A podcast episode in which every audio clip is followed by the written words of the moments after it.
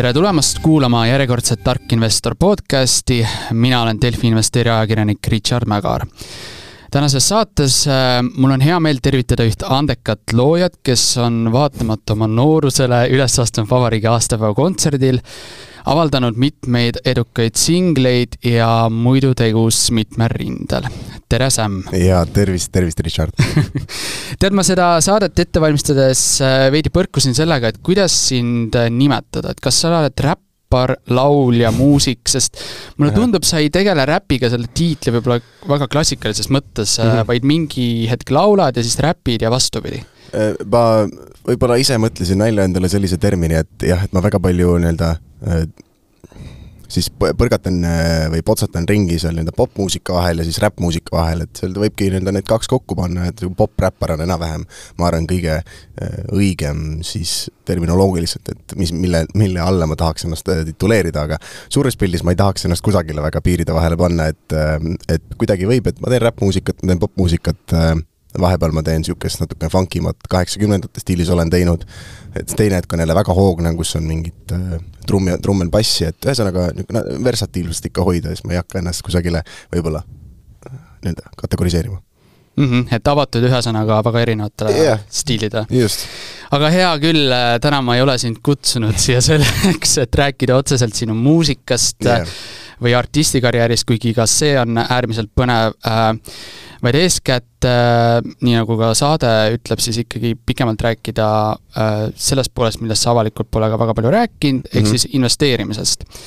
ja tegelikult äh, mina ja meie toimetus äh, sai sinu nii-öelda investeerimispisikust või sellest äh, teada äh, äh, nii-öelda pressiteate kaudu, mis mm eelmine nädal saatsid ühe ettevõtte kohta, kuhu sa oled pannud äh, enda sõnul viiekohalise äh, mm -hmm. rahasumma. aga ma arvan, et sellest ettevõttest me võime rääkida, aga võib-olla alustaks ikkagi algusest selles osas, et et millal sa hakkasid investeerima ja üldse, kuidas sa sinna jõudsid või mismoodi mm -hmm. see jah, rada sinnani läks? Äh, no ma alustan natukene üldisemalt, et ma olen nii-öelda terve noore, noore poisina nii-öelda olnud terve elu väga pikalt huvitunud majandusteemadel, et äh, ma käisin kuni äh,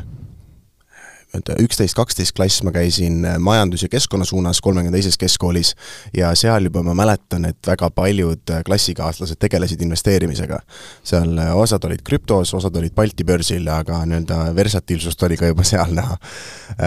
Et see oli nüüd oma, oma viis aastat tagasi, et sel hetkel ma veel otseselt investeeringuid ei teinud, kuid ma mäletan, et meile nii-öelda ühiskonna või oli äkki majandustundides lastigi teha nii-öelda seda, kus on nii-öelda siis sulle antakse sada tuhat dollarit ja tee investeeringuid et sellest ma absoluutselt ei viitsinud osa võtta, see tundus täiesti mõttetu, et, et noh, kuigi nagu ma sain aru, et mul see natukene nagu meeldib, siis mul sel hetkel enda niivõrd äh, püsivust sellel, sellel teemal ei olnud, et pigem äh, noore poisina mõtlesid, et seal, kuidas reede õhtul peole jõuda ja kuidas kutset saada äh,. aga, aga üks hetk äh, peale gümnaasiumi ma läksin Kaitseväkke ja Kaitseväes oli mul äh, tuli niisugune plahvatuslik esimene kogemus, et mul eh, jaokaaslane tegeles krüptoga. ja nii-öelda see oli see buum enne, kui nii-öelda see suur-suur laine tuli peale äh, ja nii-öelda Bitcoini hind oli äkki mingi kuusteist tuhat. Mhm. Ähm, ühesõnaga, enne kui kõik see nii-öelda massidesse läks, oli veel niisugune paar kuud enne seda ja siis äh, ta oli seal juba teeninud küll, rääkis igasugustest asjadest ja tundus nii huvitav ja noh, seal äh, noh, kaitseväe osas võib ke kellelegi tunduda, et kas siis ei ole seal mitte midagi teha, et ei jõuta seal krüptoga tegeleda, aga meil ei olnudki mitte midagi teha, sest me olime karantiinis. me istusime hommikust õhtuni, ainuke tegevus oli söömine ja mis iganes meil telefonis leidus noh, siis hakkaski see pihta, et noh, natuke esimene päev kuulad, et jaa, jaa, tore, tore, teenid seal äh, mingit, mingeid summasid, üks päev teenis sada eurot, teine päev kakssada, siis kaotas jälle sada eurot, siis jälle võitis kakssada eurot ja noh, lõpuks oli see, et okei, kurat, et igav on, et äh, äkki saaks ka kuidagi sinna vaadata, et mis seal teha saab. No siis ma alguses panin sada eurot sinna sisse, ma ei mäleta, see oli mingi läbi mingi kolme äpi mingi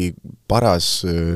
paras gammajaa oli sellega ja lõpuks sa nagu said sinna, said osta need asjad ära teenustasudest, ma ei teadnud oota, mis äh, konkreetsest äh, sellest äh, nii-öelda valuutast sa räägid või, või? Äh, nii-öelda siis äkki, kui ma ei eksi, kas see käis niimoodi, et nii-öelda need eurod kandsid lõpuks mingile, kandsid mingile kontole, sa tegid need vist mingi mingiks, mingiteks coinideks mingi ete-, mitte Ethereumi coin'id, aga aga ühesõnaga nii-öelda noh, bit-, lõpuks sa ostsid sellega Bitcoini ja Ethereumit ja äkki mul oli seal mingi XRP-d või midagi sellist ma, ma ei mäleta enam, mis need kõik, kõik olid, aga aga nii-öelda lõpp, me ikkagi neid nii-öelda kõige populaarsemaid nii-öelda Bitcoine ja krüpto,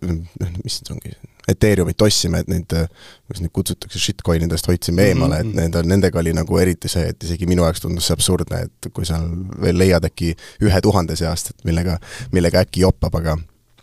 aga ühesõnaga noh, see lollus ei piirdunud sellega, et me krüptosse läksime, vaid lollus hakkas sellega pihta, et me hakkasime leverage'iga neid asju ostma, ehk siis noh, seal tundus nagu väga lihtne see, et ähm, et nii-öelda seda ohukohtu ei olnud, et, et me jääks võlgadesse, vaid see leverage töötas niimoodi, et äh,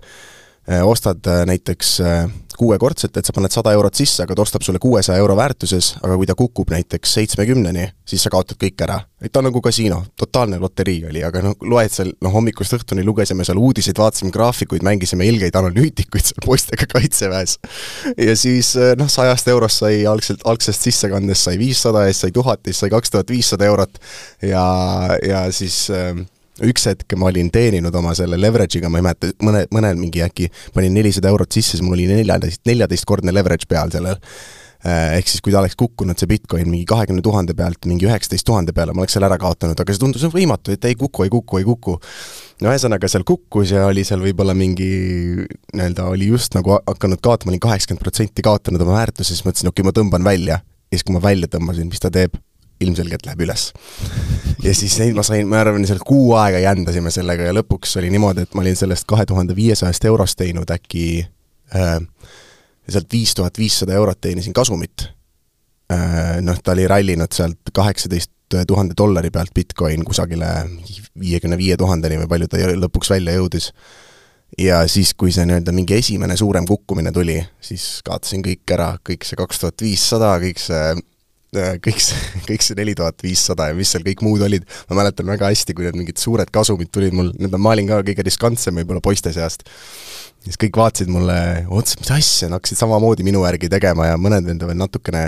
tõmbasid seal veel nende, nende algselt sisse kantud raha nagu välja, no mina seda ilmselgelt ei teinud, loll. Äh, ja ma juba unistasin seal, et oh kurat, kui ma saan Kaitseväest välja, kui samamoodi jätkub, saan endale Järve korteri võib-olla osta Järve torni korteri, see oli täiesti hullumeelne periood. ja siis ütle emale veel, et sa kaotasid kaks tuhat viissada eurot enda rahast, et noh, see on ikka hirmus aeg oli, aga no nii-öelda peale seda ma ei ole krüptot kordagi rohkem puutunud ähm,. noh, ma arvan, et põhjus on olemas, et, et ta on nii volatiilne ja äh, sinna ma rohkem äh, nii-öelda oma sinna ma ei lähe rohkem mm., seda ma ei puutu lähiajal vähemalt. aga, aga mis sa, miks sa, mis sa ise arvad, et see on ikkagi noorte seas tohutult populaarne varaklass mm., millegipärast nähakse seal äh, meeletuid võimalusi, et miks, äh, miks sinna ikkagi siis sisenetakse nii tohutult, et kas see ongi see, et noorena on seda riskimisjulgust rohkem ja, ja selle volatiilsusega mm -hmm. tullakse paremini toime või? ma arvan, et üks on kindlasti see, et selle riskiga kaasneb alati tootlus ikkagi, aga noh, samamoodi äh, Äh, kõrge risk, kõrge tootlus käivad käsikäes, et ähm, et kindlasti on üks pool see riski pool, et ähm, noh, võimalik on ju teenida ikkagi suuri summad, summasid ja kui see esimene suur summa saat-, äh, saadakse kätte sealt, noh siis on see tuhin on niivõrd sees, et noh, inimene tunneb, tunneb ennast äh, nii-öelda superkangelasena seal maailmas, et ma teen, ma saan kõigega hakkama, aga aga kindlasti on üks pool ka see, et ma usun, et aktsiad, võlakirjad, kõik selline tundub igav ja äh, noh, selline liiga stoiline võib-olla. Old school. jah, et võib-olla isa ja ema on isegi rääkinud, jah, et investeeri, et vaata, meil on selliseid aktsiaid siis nagu ah, mina ei lähe teie teed pidi, vaata, et ma teen ikka, ma saan ikka suuremad summad kätte ja, ja kõike muud, et mm, ma arvan, et seal on põhjuseid palju, et, et eks see jutt levib ka kiiremini ja kõik, vaata noh, aktsiatel ei tohti, ma kujutan ette, ei tohi tihti olla väga selliseid mingeid teatuid sõnu ja mingeid, see on nagu, et atraktiivselt müüa seda, aga noh, see krüptoga on ju, seal on mingid doge, dogecoin'id ja ma ei tea, mis kõik asjad, mis nii-öelda muudavad selle maailma nii ahvatlevaks. ehk siis no noorteni on nagu noh, noori on kerge brainwash ida selles äh, nii-öelda, seal krüptomaailmas. et no neid erinevaid mingi äh, ah neid ärisid ma olen siin kõrvalt ka nii palju näinud, mis siin tehakse, et küll oli see NFT aeg ka, no vist siiamaani jätkub, aga nüüd jälle taaskord natukene lahjemana.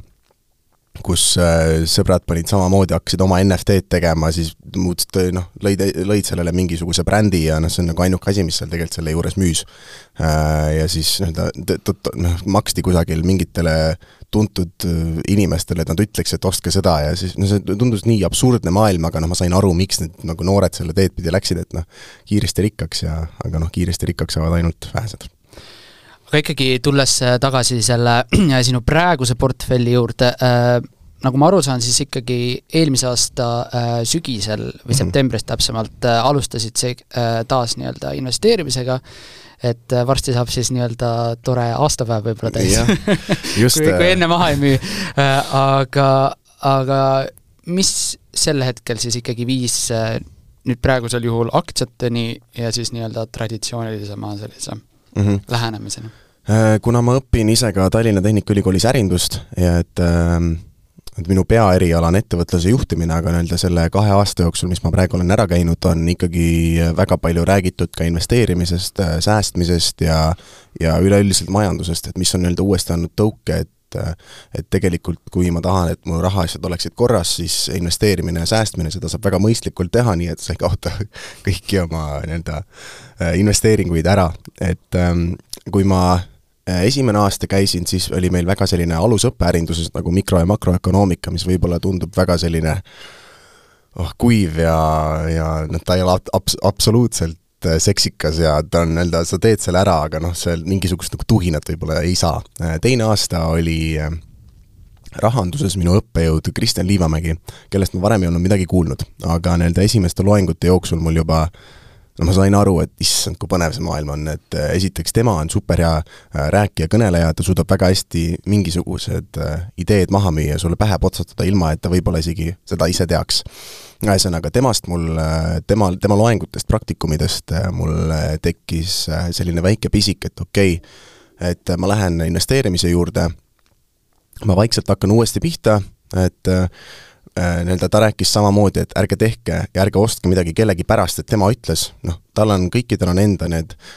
äh, nii-öelda äh, põhjused, miks nad ütlevad seda sel hetkel ja miks äh, miks, miks nad seda soovitavad, et äh, võib-olla tal sel hetkel läkski hästi, aga noh, kui sa nüüd ostad selle, sa pead mõtlema hakkama ka selle peale, et kui pikk see mingi aktsia nii-öelda periood on, et kui sa, kui kaua sa plaanid seda hoida, kas see on pikaajaline, lühiajaline äh,, Äh, ühesõnaga, ma lähen võib-olla juba praegu detaili, aga nii-öelda Liivamägi äh, teda ma siiamaani jälgin, tema Instagrami tegemisi, ta nii-öelda väga palju äh, seletab ka seda investeerimispsühholoogika poolt, et äh, kuidas nii-öelda sellel turul mõtlevad ja noh, noh, minu arust enamus korrad, mis ta juba välja toonud on, on nii-öelda väga palju samastumis, samastumistunnet olnud, et kui ta räägib nendest spetsiifilistest olukordadest, kus sa tunned, et ah, nüüd läks põhja, ma peaksin maha müüma, või et ma natukene ikka hoian veel, et äkki ta ikka tõuseb ja siis müün maha. et no vast iga investor nii-öelda natukese aja jooksul nagu tunneb ära, et tal hakkavad need sisetunded tekkima, et noh, kõhklused, äh, lootused, ootused ja mis kõik, mis kõik muu. aga võib-olla räägiks esialgu üldsegi mm. sellest, et äh, mis sul portfellis on? et mis sa oled ikkagi soetanud praeguseks momendiks? ja mis sa siis äh, tookord esimesena siis mm -hmm. no võstsid? septembris äh, samamoodi väga palju nõuandeid ikkagi nii-öelda sellest majandusmaailmast tuli, sellest rahanduse erialast või õppeainest, mis ma seal läbisin, samamoodi ma hakkasin uudiseid rohkem jälgima, mis Äripäevas, Ärilehes räägiti, äh, mis, äh, mis üldse nii-öelda, nii-öelda välis, välismeedias või noh, nii-öelda läänemeedias räägitakse, et mis seisus majandusolukord praegu on äh, ja ma hakkasin nii-öelda üleüldisemast lähenema spetsiifilisemaks, ehk siis ähm, mis seisus on majandus praegu, äh, mis äh, nii-öelda tööstused äh, ja, ja nii-öelda osad praegu tulu teenivad, et millel on praegu kasumlikum periood ja millel läheb praegu halvemini. noh, aasta aega tagasi septembris oli veel tohutu näiteks tehnoloogiaaktsiate ülemüümine. kõik müüsid neid ära, kartsid, et noh, nii-öelda niikuinii majanduslangus on, eks ju, kohe tulemas, et müüme maha, nii-öelda aasta aega vist kestis see müümine, kaks tuhat kakskümmend kaks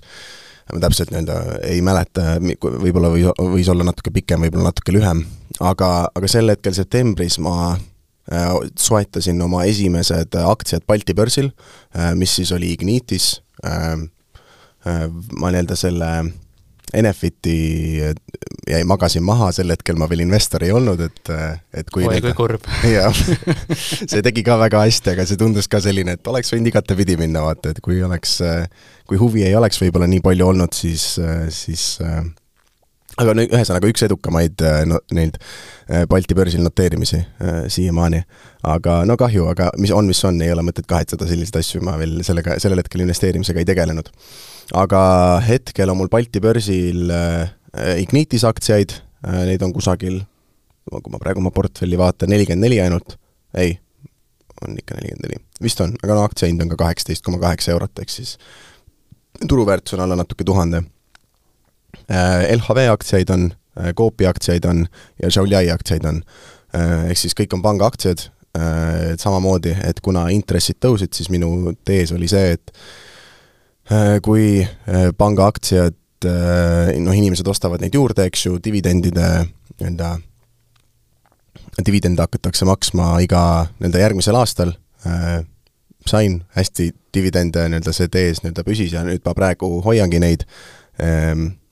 eks näis, mis, mis saab, aga pigem on nii-öelda üleüldiselt ma praegu suhtun investeerimisse, investeerimisse väga pikaajaliselt, kui ma ei näe üheski firmas seda, et tal ei ole pikaajalist äh, nii-öelda lootust, siis ma ei hakka neid müüma ja niimoodi rahmeldama seal edasi-tagasi, nagu ma võib-olla krüpto ajal tegin. et hoian külma närvi, ma pigem ei näpi neid väga, pigem ostan ainult juurde. aga oled sa endale selles plaanis äh, sättinud ka mingisuguse ajahorisondi sel juhul, et ma ei tea, mõnel on see võib-olla viis aastat vähemalt, et ta hoiab või, või, või kümme või on selles osas sul ka mingisugune kindel plaan mm? -hmm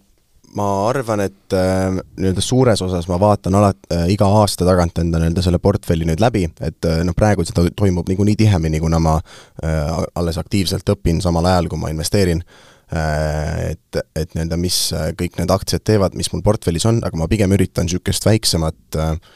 Äh, väiksemaid, äh, väiksemas koguses aktsiaid hoida, koguses selles suhtes, et mul väga ei taha sinna nii-öelda suurt variatsiooni lisada, millele ma pean kogu aeg nii-öelda,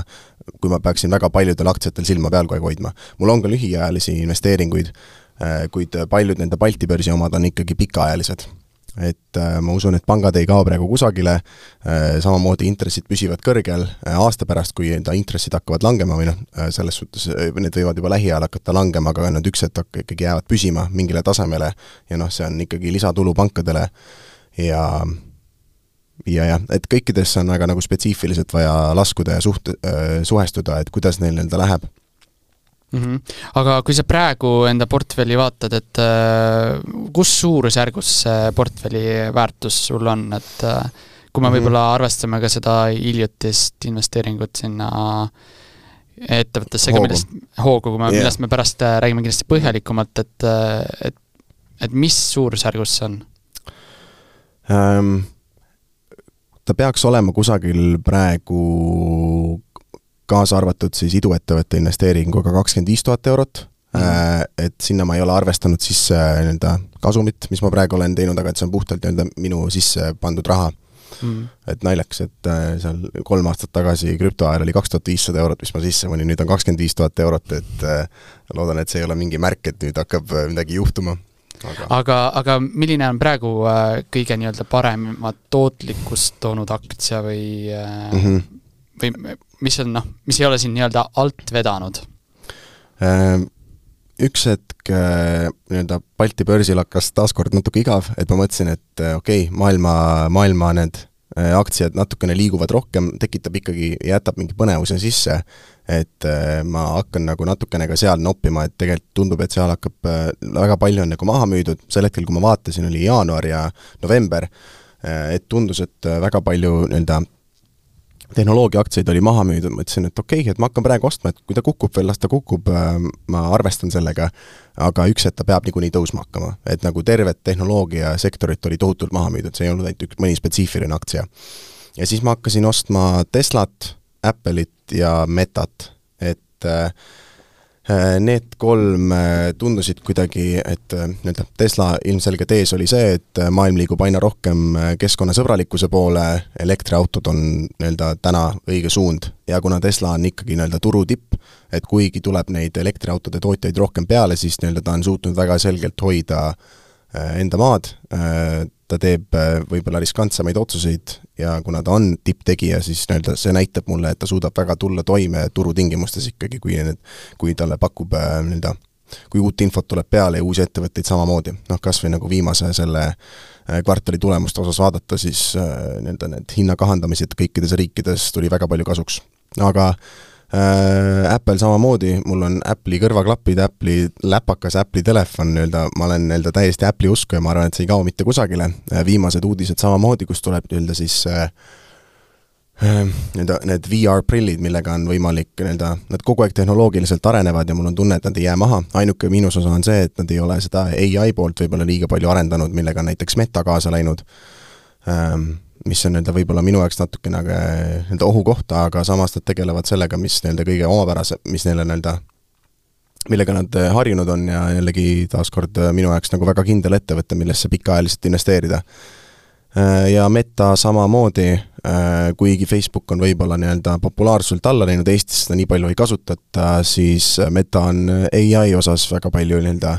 edasiliikumist teinud ja arendab seda poolt ja teeb ka nii-öelda minu silmis on häid otsuseid teinud, et need on nagu kolm suuremat aktsiat, mis mul on. Äh, Tesla on ühes portfellis sada kakskümmend protsenti plussis, äh, teises äh, portfellis on äkki kuuskümmend protsenti plussis, mis ma olen nüüd aja jooksul ostnud. Ähm, ja siis nüüd ma hakkasin ka ettevõtte kontoga investeerima, kus on mul ka nüüd nende tulemuste, tänu tulemustele või tänu tulemustele, kvartali tulemustele siis kuus või seitse protsenti plussis. Mm -hmm. aga tulles selle võib-olla väärtuse juurde tagasi, et äh, ligi kakskümmend viis tuhat, et äh, see on, sa oled kahekümne kahe aastane yeah.. et see on üsna korralik äh, number mm. tegelikult äh,, arvestades seda, et äh, sa oled ka üliõpilane mm, -hmm. et kas see kapital on tulnud peamiselt siis esinemistest või on see muud moodi kuidagi mingitest töödest või mismoodi mm -hmm. sa mhm. oled endale suutnud äh, varuda sellise raha, et seda investeerida mm? -hmm mul ei ole nii-öelda, vanematelt ei ole tulnud, et kindlasti on ka äh, nii-öelda nooremana ma olen väga palju tööd teinud, et äh, kolmteist, neliteist, viisteist, et no need rahad on võib-olla kulutatud, aga ma olen olnud terve elu ikkagi nagu säästja. et miks mul juba näiteks üheksateist, kaheksateist, nii-öelda ühesõnaga seal Kaitseväe ajal oli nagu umbes kolm tuhat, neli tuhat eurot kõrval oli ka see, et ma olin ikkagi terve nii-öelda varasemad, varasema nooruse säästnud ja seda ma olen nii-öelda hästi osanud teha Äh, samamoodi praegu, et kui ma tegelikult oma kõik kulud kokku arvutan, siis ma elan emaga. Äh, ma, mul ei ole ühtegi laenu, äh, mul ainukene reaalne kulu on toit põhimõtteliselt ja siis võib-olla paar väljaminekut, mis nii-öelda juhtuvad enam ei käi väga palju ka väljas, on ainult tüdruk äh, ja siis toit, eks siis nii-öelda suures pildis mul säästumäär on mingi kaheksakümmend, üheksakümmend protsenti. ja see on soovitus ka noortele, kui sa elad emaga, pange kõrvale nii palju, see on perfektne periood, jääge ema juurde elama, ärge tormake sinna korterisse või kuhu iganes, et et üksi on ka kindlasti tore elada, ei pea enam, ei pea enam EMS-iga tegelema või kellega iganes. no jaa, aga ikkagi erinevad muud ahvatlused äh,, ma ei tea, vinge auto, äh, ma ei tea, mingid muud mm, -hmm. sa mainisid, äh, noh, Apple'i fänn oled, on ju, ja nii edasi mm, -hmm. et et need siis äh, sind ei, selles mõttes ei ahvatle nii palju, et sa suudad ikkagi selle juures oma seda säästmismäära säilitada? jah ähm,, ma alati üritan nii-öelda võimalikult säästlikult nendele nii-öelda, kui ma tahan midagi osta, ma ei tee väga palju niisuguseid impulsiivseid ostukohti, et mul võib-olla on nii-öelda riided, mis mul olid nii-öelda pikaajalisemalt äh, Äh, nii-öelda ma tahtsin kogu aeg uusi riideid osta ja värki-särki, et nagu ikka nii-öelda moes ja pildis püsida, ma arvasin, et see on kriitiline osa, nüüd ma ei ole enam niivõrd neid ostnud ja ja müüsin vist äkki pool oma garderoobi maha, et taaskord lisaraha teenida. Äh, või on nii-öelda see, need kulutused tagasi teenida ähm,. Ja, ja suures no su-, auto osas samamoodi, autot ei ole, et mul on EMS-i Kiia, millega ma vahepeal sõidan ringi, kui vaja on, aga, aga ma olen endale nii-öelda mingil määral lubaduse teinud, et järgmine auto või esimene auto, mis mul on enda oma, siis see tuleb Tesla. Äh, et kui lõpuks on nii palju raha koos ja on nii-öelda, mul on mugav osta seda, et ma ei pea muretsema selle pärast, et ma jään nii-öelda selle liisingu mingi sõltuvusse või et ma jään nüüd seda nii hullult maksma, siis äh, ma üritan Tesla saada. Ja see on jällegi, toetan nii-öelda neid, neid, neid toetan iseennast, aktsionäre justkui. aga äh, praegu siis äh, see peamine sissetulek, ma saan aru, tulebki siis äh, esinemistest mm, -hmm. artisti ja kogu see, sellest nii-öelda, neid et... koostööd siis ka brändidega või, või mm -hmm. kuidas sellega on äh,? Jaa äh,, nii-öelda noh, see esinemist ja artisti elu on selles osas väga volatiilne, et vahepeal sul võib olla null esinemist kuus, teine hetk on sul kaks, suvekuul on mõnel kuus esinemist äh,, nii-öelda, nii-öelda ma räägin nüüd enda nii-öelda kõikumistest, et selles osas, et äh, seal sa pead samamoodi väga hästi toime tulema sellega, et noh, sul ei ole, mõni kuu võib-olla ei ole sissetulekut, et sa pead sellega arvestama, et äh, sul peab raha kõrval olema pandud. muidu sa pead minema üheksast viieni tööd või midagi lisaks tegema et kuna me oleme nüüd endale ikkagi nüüdseks nii-öelda mingisuguse brändi maine üles ehitanud, et ma saan ka teiste koostöö, teiste firmadega koostööd teha, siis ähm, nii-öelda oleme ka sellel alal rohkem hakanud äh, laienema, et leidma endale nii-öelda pikemaajalisi koostööpartnereid. ma väga palju teen enda artisti karjääri kõrvalt ka sisuloomet, ehk siis samamoodi nendele äh, brändidele, kellega mul on koostööd, mul on Idealiga koostöö äh,, samamoodi nii-öelda need äh, Apple'i tooted ei tule niisama õhust, et äh, läpaka ma olen endale ise ostnud, aga telefon ja kõrvaklapid on tänu nendele ähm,. McDonaldsiga on mul koostöö, Conversiga äh,, Swedbankaga, eks siis äh, väga suuresti peab ikkagi nii-öelda ma ei saa siin soovitada seda, et otsige koostöid teistele, aga aga nii-öelda sa kasutama ära seda, mis su ümbruses on, et nii-öelda see on minu koht, kuhu laieneda ja har-, nii-öelda mis mul see haru on, et väga paljud artistid näiteks ei taha teiste, teiste firmadega koostööd teha, sest nad tahavad enda mainet hoida, nad tahavad hoida enda nii-öelda eksklusiivsust ja luksust noh, mul ei ole vahet, ma nii-öelda väga tunnen, et need brändid, kes mul praegu valitud on, nad niikuinii kattuvad minu väärtustega, et me oleme väga sarnased nii-öelda nii ettevõtte kui äh, nii mis iganes ettevõtte kui SAM-i osas. ehk siis äh, tundub justkui nagu nii-öelda võimalus raisku lastud, kui ma ei teeks. kuid millised valdkonnad siis äh, on sellised, millega need väärtused nii väga ei kattu või mida sa ise tunned, et mm. mis osas sa koostööd ei taha teha, ma ei tea, koeratoit või? no seda võib-olla jah, see tundub niisugune natukene, et mis tal toimub, et see on nüüd totaalne cash grab, et äh, aga ma arvan, et alkoholifirmad, et äh, ma ise ei ole enam nii alkoholilembeline, kui ma võib-olla nooruses olin ähm,. enam ma ei tunne, et see oleks ka väga minu väärtustega paigas äh,. kindlasti neid ettevõtteid on keda nüüd veel spetsiifiliselt välja tuua, näiteks ma ei ole oktoobrist saadik teinud kordagi või no tegelikult üks väike apsakas oli. Äh, oktoobrist saadik ma ei ole nikotiini tarbinud ükskõik mis kujul. Ähm, oktoobris, äh, või parandan, mais, kui ma käisin Kevadtormil, ma tegin ühe sigarello, siis ma tegin pool sellest ära ja mul hakkas nagu, mõtlesin, ei, miks ma tegin seda, et see oli nagu kahetsusväärne moment, aga sellest hetkest saadik ma ei ole samuti ühtegi nii-öelda nikotiinitoodet tarbinud. Ähm, ehk siis noh, nikotiinitooted samamoodi, et ma ei suudaks nii-öelda, see käiks minu väärtuste ja nii-öelda uskumustega vastu aga üsna loogilised, ma arvan, valikud. kas see siis tähendaks, et äh, et sa pigem, ütleme, kui me räägime aktsiainvesteeringutest, siis mm. sa pigem äh, välistaksid ka näiteks tubakatootjad või, või muu enda portfellist või ikkagi sel juhul äh, sa pigem vaatad seda ettevõtet ja tema äh, nii-öelda näitajaid? Ma nagu esimese vastusena ütleksin kohe jah, et ma pigem väldiks selliseid ettevõtteid, aga nii-öelda ma ei kiida ka nii-öelda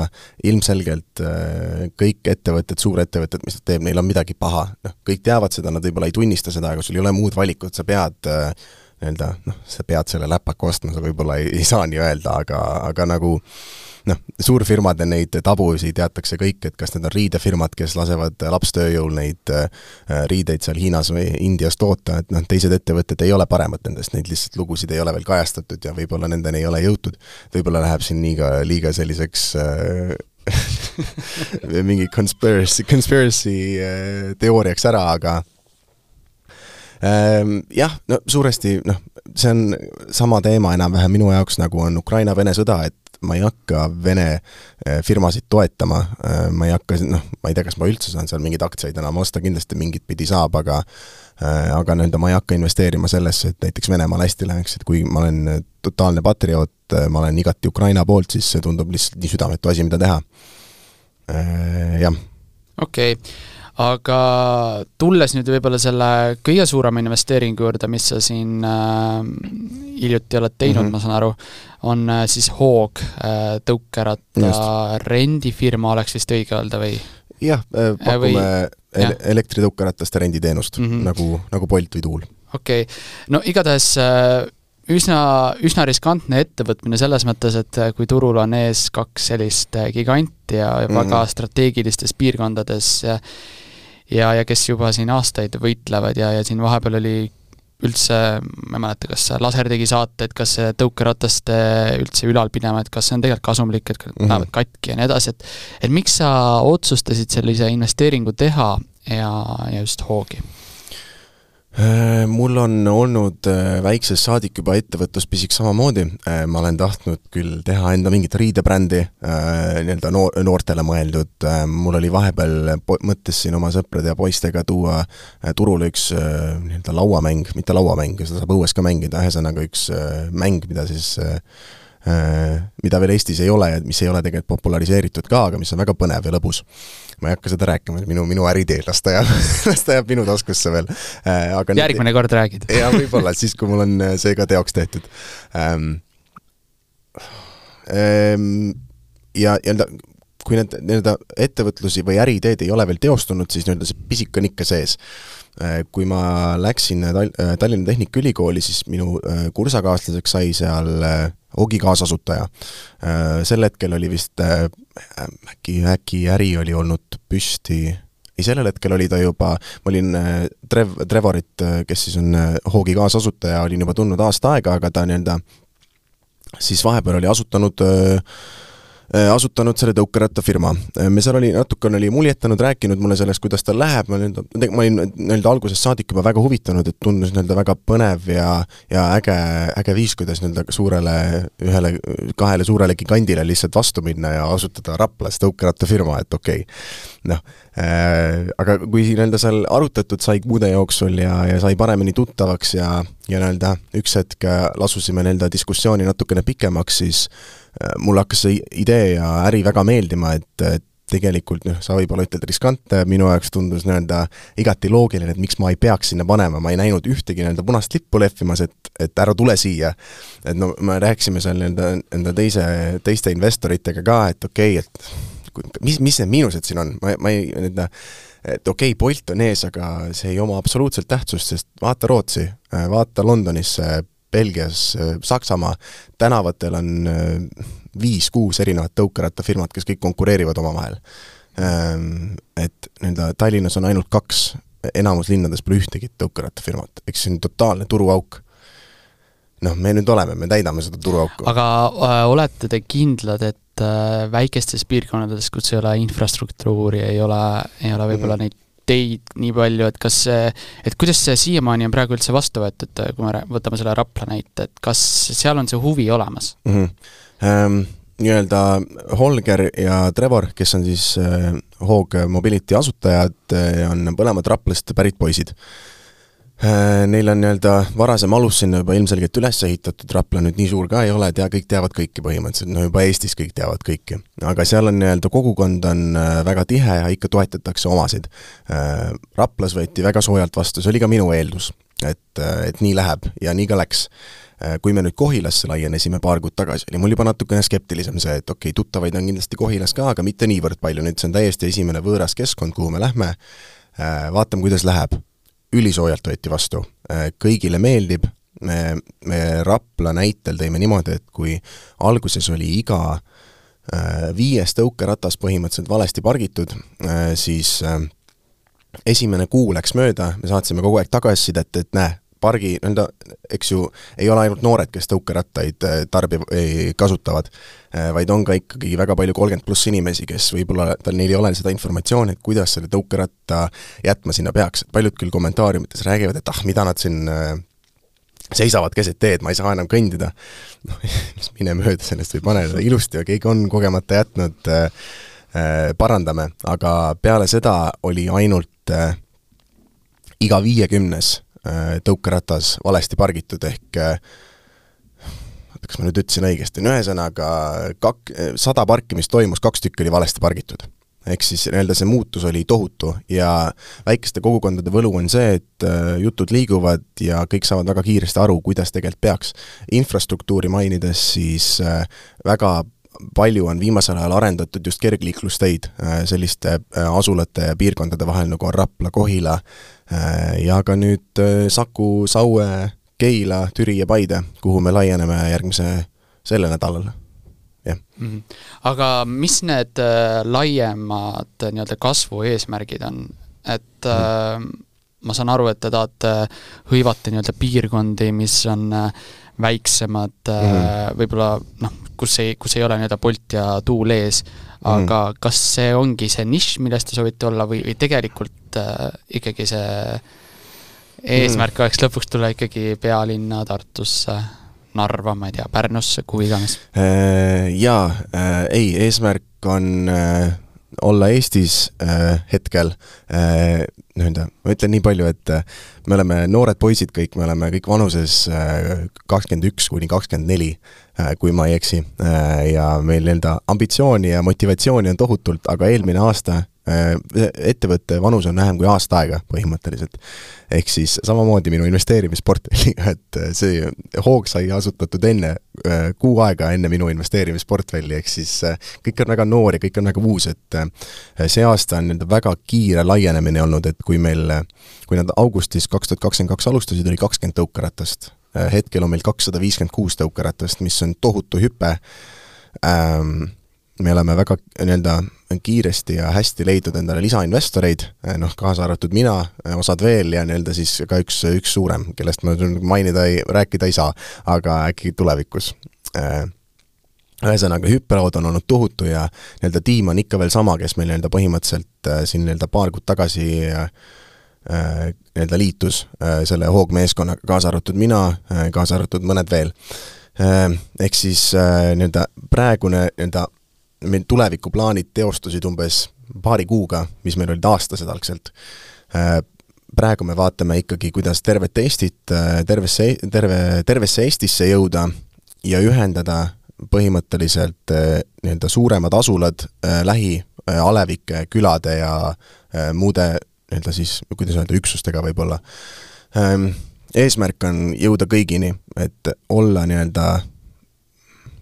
olla nii-öelda väiksemate eest ka, kes on tihtipeale unustatud. et eesmärk on kindlasti ka jõuda Tallinnasse, et me ei karda konkurentsi, see on nüüd äh, puhtalt, no ta ei ole puhtalt turunduse töö, aga aga no ilmselgelt inimesel läheb pea sassi, kui ta näeb tänaval juba kolmand-, kolm erinevat tõukerattafirmat, mis äppi ta valib. noh, praegu on kindlasti see, et kuna Bolt on oma töö ära teinud, ta oli esimene turul, siis inimestel on mugavusest Bolt, Bolti vajutamine sees, et ilmselgelt ta läheb selle Äh, selle teed pidi vaatab, kus kõige lähem tõuk-, lähim tõukeratas on, aga noh, samas kui sa vaatad, et inimene läheb uksest välja, äkki seal seisab hoog, noh, vaatab, et äh, alles saja meetri pärast on Bolt, siis ta äkki laeb, laeb ikkagi selle hookäpi alla. aga ühesõnaga, Tallinna plaan on natukene kauge praegu ähm,, samas äh, kuidas meie plaanid teostunud praegu on, kui kiiresti, siis ma üldse ei imesta, kui see on juba järgmise aasta plaan. aga, aga alguses äh, me kindlasti keskendume veel nende lähiümbrustele, mis meie selles äh, Raplast välja ulatub äh, iga silmakaares. Äh, ja, ja, ja siis tulevad ka suurlinnad nagu Pärnu ja Tartu kindlasti aga praegu sellest Raplast ja Kohilast on teil juba silmapiiril ka mingisugune muu koht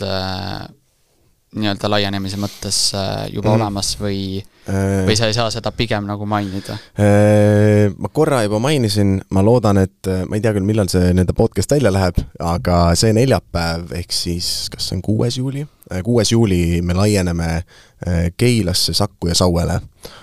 sellest natukene paar päeva edasi me lähme Türile ja Paidesse. ehk siis see on nii-öelda meie selle hooaja kõige suurem laienemine me võtame kõik linnad, mis praegu mainitud on, noh, kõik teavad neid, need on ikkagi suurlinnad, Saku vist ainuke tegelikult ei ole linn, ta on äh, alev või kuidas iganes. ühesõnaga, me Kohila kohta ütlesime ka linn ja siis Kohila inimesed olid väga me-, nad olid väga meelitatud, et me neid linnaks nimetame, kuigi nad ei ole ka linn. Äh, aga üheski nendes äh, linnades ei ole Bolti ega tuult. mis näitab taaskord minu arust seda, et äh, ei keskenduta ja ei keskenduta üldse väikestele linnadele, äh, millel on ka ikkagi väga palju potentsiaali. et äh, ma siin ei anna teile motivatsiooni, kui keegi Bolti ja tuulemeeskonnast kuulab, aga, aga aga nii-öelda meie eesmärk on alguses sinna jõuda, jah. sa ise, sul on endal ka seal ettevõttes äh, roll, ma saan aru, sa oled selline mm -hmm. nii-öelda loovjuht või, või, või selline nii-öelda content ja, manager või midagi taolist. no kõige lihtsamalt saab öelda, et sotsiaalmeedia spetsialist praegu alguses, aga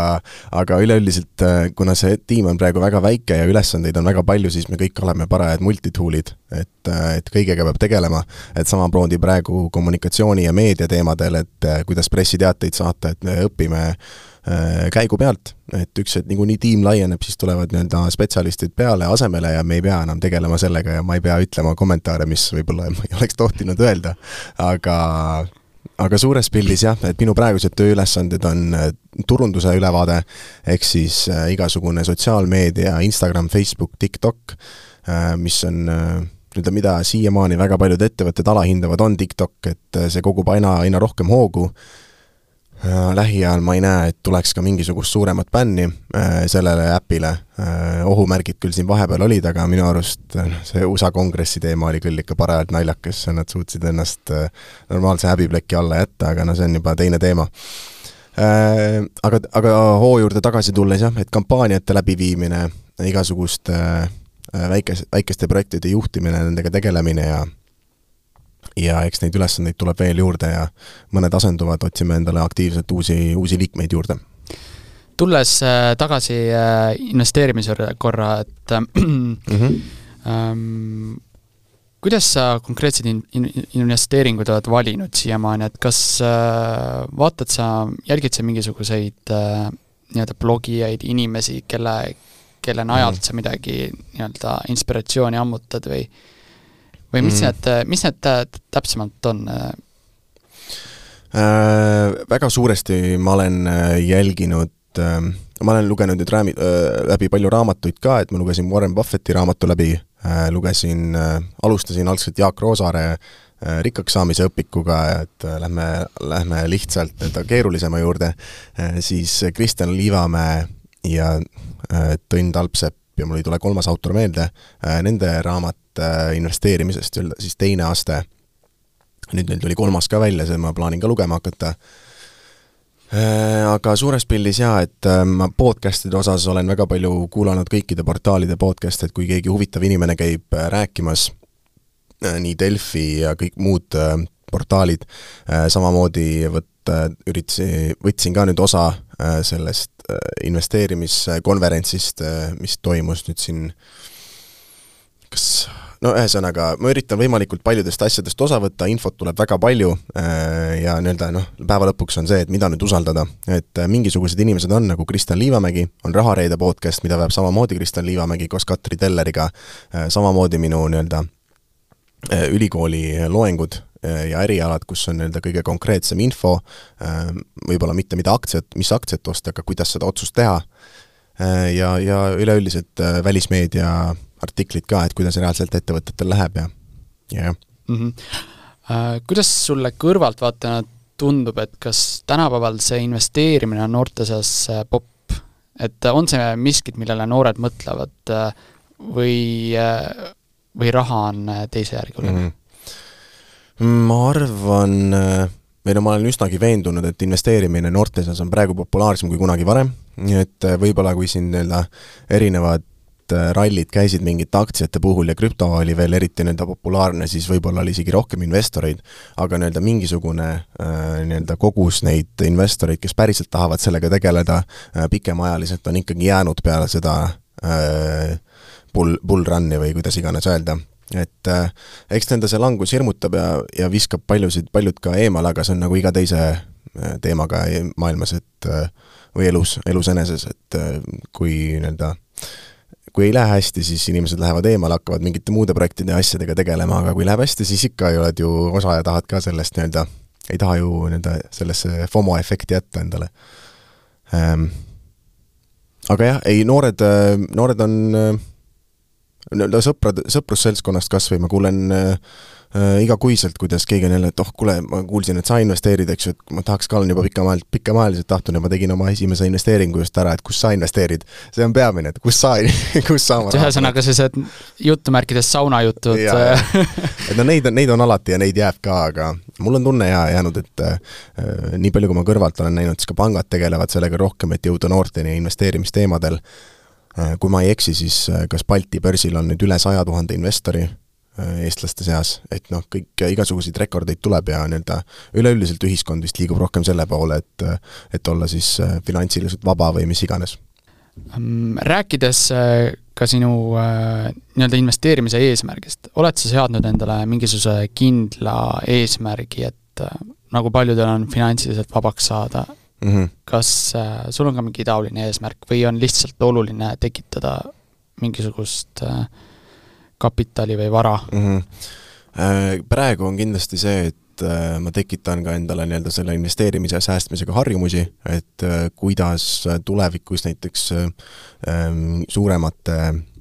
nii-öelda, ma ei tea, rahaliste liikumiste või nii-öelda tuludega hakkama saada, äh, samamoodi see finantsiline vabadus on atraktiivne ka minu jaoks, et kuidas elada niimoodi, et ei pea enam äh, töötama, ma, mida enam ma elan ja mida rohkem ma siin nii-öelda olen nüüd tööd teinud selle jaoks, ma saan aru, et tegelikult töötamine on väga tore, kui sa tegeled nende teemadega, mis sulle meeldivad.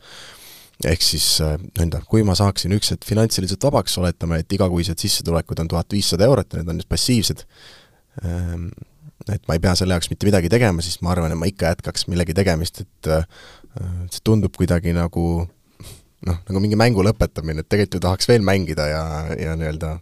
kusagile jõuda. aga finantsiline, finantsvabadus on kindlasti üks eesmärk, et teenida selline sissetulek, mille osas, mille puhul ma ei peaks enam muretsema selle pärast, et äh, mida ma ostan äh, võib-olla mida ma ostan, on liiga üleüldine, aga et ma ei pea enam muretsema selle pärast, et kas osta endale see mingi šaurma sealt, šaurmatööner sealt putkast või mitte, see on mu esimene eesmärk ähm, selle ma vist olen juba praeguseks saavutanud, et vahepeal küll mõtlen, et kui mingi kümme eurot peab mingi söögi peale kulutama, siis on niisugune ah, natuke kriibib, et veel sel-, veel selles ka nii-öelda äh, klassis ei ole, aga mm. aga, aga eesmärk on äh, finantsvabadus ja enese või niisuguse äh, kindlustunde tekitamine tuleviku osas? Äh, kas praegu on ka mingisugune varaklass, mida sa vaatad, äh, tahaks sinna võib-olla investeerida, aga lihtsalt ei ole võib-olla mm. kapitali, aga mõtled, et oi, et sinna ma tahaks küll siseneda? Äh, kinnisvara on kindlasti see, kus öelda veel, ma arvan, et ma saaks praegu nii-öelda selle sissemaksesumma kindlasti kätte, aga nii-öelda kuna mul ei ole püsivat töökohta ja endale palka ettevõtte kontolt, on ka nagu Äh, raske maksta, nüüd ma saan väga palju ettevõtjate nii-öelda nendest äh, ettevõtja pilgu alt aru, et miks on palga maksmine ka niisugune noh, kui mis mis see summa on, üle neljakümne protsendi läheb peaaegu maksudeks, et see on ka ikka nii-öelda valus niimoodi äh, ära anda, aga aga, aga kinnisvara, et kui, kui tekib püsiv palk, siis kindlasti tahaks endale äh, Äh, soetada kusagile korteri või mingi, mingi maalapi või kuidas iga, mis iganes, et äh, aga taas ma tahaks selle muuta tootluseks, ähm, mis äh, investeeringuks, et ma ei hakka seal elama ja et see ei, ei muutuks mulle kuluallikaks, jah. Enne sa mainisid ka, et sa õpid praegu ärindust. Mm, -hmm ehkki mulle meenub, et kuskilt intervjuust äh, sa oled mõelnud ka ajakirjanduse peale, et äh, miks siis selline kaks üsna võib-olla mm, -hmm. ma ei tea, kas vastandlikku on õige öelda, aga ikkagi väga erinevat äh, suunda, et miks ärindus? et ma, ma korra lihtsalt täpsustan ka seda, et äh, minu teada TalTechis, kus seda õpitakse mm, -hmm. sul peab olema äh, eelduseks lai matemaatika eksam jaa ja., lai matemaatika eksam kuuekümnele punktile oli minu ajal, ma ei tea, kas see on mm. muutunud nüüd. see tähendab, et matemaatikaga sul on ka pigem olnud hea suhe? Äh, no niisugune väga kahe otsaga mõõk, et äh, kuni kümnenda klassini äh, või noh, tegelikult jah, kümnenda klassi lõpuni ma vihkasin matemaatikat, mulle absoluutselt ei meeldinud see. ja siis ma sain aru, et okei okay,, et kuna mind majandus huvitab, siis ma pean ikkagi nii-öelda kokku ennast võtma ja need ära õppima, et tegelikult noh, ma sain aru, et see ei ole nüüd midagi nii-öelda nii keerulist, et ma ei saaks selle, sellest mitte kunagi aru, aga lihtsalt ma ei olnud nii-öelda viitsinud ega tahtnud sellega tegeleda, et ma pigem lükkasin seda probleemi edasi et siis üheteistkümnes, kaheteistkümnendas klassis ma õppisin matemaatikat nagu segane, äh, kuna nii-öelda võib-olla see osa ei ole mulle võib-olla nii lihtsalt tulnud kui mõnele teisele nii-öelda loomulikult äh, targale või intelligentse, intelligentsele inimesele, et et nende selle info manustamine ei olnud kõige mugavam protsess, aga aga kui enda, enda kaheteistkümnes klass läbi sai, ma sain matemaatikaeksami kuuskümmend üks punkti, ehk siis täpselt see, mis nii-öelda põhimõtteliselt vaja oli. Äh, ja, ja siis mul oli otsustada, et kas ma lähen Tartusse ajakirjandust õppima, kus mul oli nii-öelda, seal oli kaks katset, esimene oli motivatsioonikiri, mingi viis lehekülge, et miks ma peaksin saama ärindusse ja kes mu eeskujud on ja ühesõnaga, see oli ka niisugune ah, aga no selle ma sain umbes seitsekümmend protsenti vist, ehk siis mul tegelikult oli veel ainult nii-öelda Äh, vestlus, äh, äh, vestlusfaas oli ainult jäänud, mis ma arvasin, on minu tugevam külg, et ma nii-öelda udujuttu oskan küll ajada, et miks ma peaksin teile siia kooli tulema. aga siis elu tegi oma korrektuurid, jäin mõtlema, analüüsisin natukene, et et okei okay,, et ajakirjandus on äge, aga ma ei kujuta ette, et ma ka kirjutan ainult artikleid. no siis ma tegelikult nagu hiljem sain aru, et see artiklite kirjutamine on ainult üks osa, et ajakirjandus on taaskord samuti väga lai. on võimalik siirduda telesse, raadiosse, kuhu iganes. aga mõtlesin, okei okay,, ma tahan tegelikult raha teenida, ma ei tea, kuidas ajakirjanik ajakirjanikud teenivad, aga minu arust võib-olla väga vai-, mitte väga palju. Et lähen ärindusse ja kui mind väga huvitab ikkagi kolme aasta pärast ajakirjandus, äh, siis ma äh, lähen näiteks majandusajakirjanikuks või nii-öelda investeerimisega seotud või mis iganes, et see tundus nii-öelda, nii-öelda väga loogiline suund. aga et las ma enne saan ärinduse osas endale põhja alla, et ma saan aru, mis majanduses toimub, mis seal, mis see on, äh, mis terminoloogia, teen endale selgeks ja kõik see muu no nüüd on aasta aega veel jäänud, lõputöö on kirjutada järgmine aasta ja äh, mõned, mõned ained veel läbida. ja siis eks näis, äh, magistrisse on mul plaan niikuinii minna, et kas see nüüd on majandussuunaline või siis midagi muud, eks, eks äh, järgnevad aastad nüüd näitavad seda, jah. okei okay., aga oskad sa öelda ka sellist asja, et et milline sinu singel või sinu lugu on olnud rahaliselt kõige edukam, mis on toonud sulle äh, ähm, ma ei tea, kas brändikoostööd on toonud autoritasusid äh, või, või jah. Mm, -hmm, äh, iga külje alt, alates ka kuulamistest ja kõik see? Äh, kõige kuulatum lugu, mis tegi või mis siis Sämmi esile tõi või populaarseks tegi mind, on kindlasti Mõista, mõista ähm,, mis on siis noh, popp-hitt lugu, kuidas iganes öelda, et mida ma siin vahepeal natukene pelgasin, et noh, niisugune pool, pool naljaga, pool tõsiselt, et kurat, et mulle see noh, kui artistimaailmas on ka see, et kui sa teed mingi loo, mis teeb väga hästi ja see on su parim lugu, siis peale seda on väga keeruline teha nii-öelda sellest nii-öelda üle justkui nagu massidele lugu. et äh, see on niisugune nii-öelda vaimne plokk ja psühholoogiline ka, et äh, ähm, aga noh, peale seda ei olegi nagu otseselt olnud nagu edukamat, noh, edukust saab ka nagu igat, igatepidi hinnata, et äh, mina näen, et ma artistina arenen ja arenen igapäevaselt, et äh, nii-öelda mida enam ma nii-öelda vanemaks saan, äh, infot omandan, seda targemaks ma tundun ka, et saan nii-öelda mõned asjad, mis nii-öelda võib-olla paar aastat tagasi väga veel nii-öelda sensi ei meikinud, siis nüüd on nii-öelda, saan loogilisemalt aru, vestlust ostan, oskan paremini pidada ja kõike muud, et aga, aga Mõista, mõista on kindlasti nii-öelda rahaliselt võib-olla kõige paremini sisse toonud ähm,. Albumi väljalaskmine oli kindlasti üks kõige äh, samamoodi nii-öelda edukamaid, äh, mitte edukamaid, aga kõige õigemaid otsuseid, mida ma tegin äh, nüüd üks, eelmine aasta üksteist november, et see oli kõige õigemal ajal, mitte keegi ei lasknud põhimõtteliselt millel, millegipärast aastal kaks tuhat kakskümmend kaks muusikat välja, et ma sain äh, Eesti muusikaauhindadel ka nominatsiooni, noh küll Nublu ja Reketiga võistlesin seal, Reket lasi ja ta võitis ka, Nublu vist, tal ei olnud albumit, aga tal oli mingi kas, ma ei tea, kuidas ta seal, ta oli vist, see oli parim räpp, räppartist ehk siis nii-öelda ei pidanudki albumit välja laskma, aga ta sai ka selle nominatsiooni ja ja ühesõnaga, nii-öelda peale seda on tulnud väga palju esinemispakkumisi, väga palju brändidiile äh, ja, ja ka need on nii-öelda, need ei ole puhtalt ka albumi pärast, vaid ma olen ise äh, välja, nii-öelda ise olen kirjutanud, mida ma motiveerin samamoodi, kui sa oled artist või või avaliku elu tegelane või kes iganes, siis kirjuta ise, et äh, härjast tuleb ise nii-öelda sarvil, sarvist haarama. ja, ja nii-öelda need mm -hmm. alati nii-öelda lauale sul ei asetu muide, kui kallis su esinemine on? Äh, see on kõik vastavalt tingimustele, millele vastab äh, minu mänedžer, jah, seda ma siin ei oska öelda. ja ma lihtsalt selles osas nagu küsin, et kas äh, võib-olla kaasa mõelda, et kas esinejate hinnad sõltuvad ka, või nagu ma mõtlen, muutuvad ka ajas nagu ma ei tea, inflatsioon on, on ju, ma ei tea, energiahinnad tõusevad mm, -hmm. et, et kas, kas on ka midagi, mis mõjutab selles mõttes kõrvalist nagu seda mm -hmm. esinemishinda?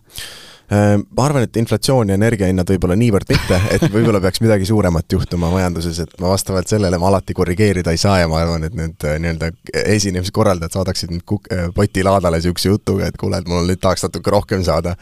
Aga nii-öelda, nii-öelda need hinnad on ikka, muutuvad vast iga, mitte iga kuu, aga vastavalt populaarsusele on kõige nii-öelda täpsem öelda, et Äh, nii-öelda väga hea näitaja on näiteks Spotify's monthly listener, et siis palju igakuiseid kuulajaid mul on Spotify's, noh hetkel on mul kolmkümmend neli tuhat kohe, äh, mis on minu rekord. ehk siis praegu peaks minu hind olema kõige kallim, mis mul enda elu jooksul olnud on. mis see summa on? Äh, peate ürituse korraldama ja mind esinema kutsuma, jah. okei okay., aga lõpetuseks võib-olla sa oskaksid anda mingisugust äh, nõu äh, alustavale noorele, ma ei tea, üldse investorile, et mismoodi sinna maailma siseneda mm, -hmm. miks sinna siseneda ja, ja mida üldse silmas pidada äh,? ärge üritage kiiresti rikkaks saada, see ei toimi ja suure tõenäosusega, tõenäosusega sa kaotad väga suure enda algsest äh, rahast, äh, mis sa nii-öelda sisse oled pannud. Ähm, teine soovitus on võib-olla see, et äh, alati ei pea investeerima aktsiatesse, et sa võid investeerida samamoodi ettevõtetesse ja nendega koos laieneda, mis on tegelikult palju nii-öelda tootlikum ja edukam äh, Äh,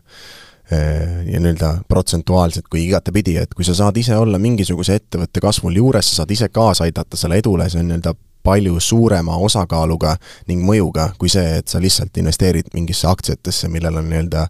miljoneid äh, äh aktsionäre ähm,. aga nii-öelda nii-öelda tore on alati nii-öelda esimene protsess on kindlasti see, et tee mingisugune, mingisugune ost saja euro piires, viiekümne euro piires, kümne euro piires, vaata, vaata, kuidas aktsiad liiguvad, et äh, vaata, mis nad teevad, kuidas need töötavad, kindlasti äh, katseta mingisuguseid äh, nii-öelda testkeskkondasid, kus sul on nii-öelda võimalik mingisuguse võltsrahaga investeerida, kuid nii-öelda päris turutingimustes, et siis noh, mina ei ole näiteks siiamaani kordagi optsioone ega ega midagi sellist enda puutunud, et, et tunduvad natuke liiga hirmsad, ma ei ole nende kohta õppinud, ehk, ehk ma siis ka ei puutu neid. Las nad praegu jäävad. aga soovituste osas ma soovitan alustada Raha Reede podcastiga, ta räägib väga lihtsalt selgeks mis, kuidas nii-öelda investeerimine käib, mis see psühholoogiline pool on, samamoodi kuulata seda Delfi investeerimispodcasti, kus ma praegu olen, sa juba põhjusega kuulad seda. Ja, ja jah, jah. Neid soovitusi on palju, neid kindlasti leidub igalt poolt. Ühesõnaga, hoida end igat moodi kursis, silmad avatuna ja mm., ja muud moodi. igatahes äh, suur aitäh, äh, Sam, et sa täna siia saatesse tulid, oli põnev jutuajamine ja kohtume siis, ma ei tea, mõnel kontserdil äkki just, aitäh, et kutsusid! jaa, aitäh!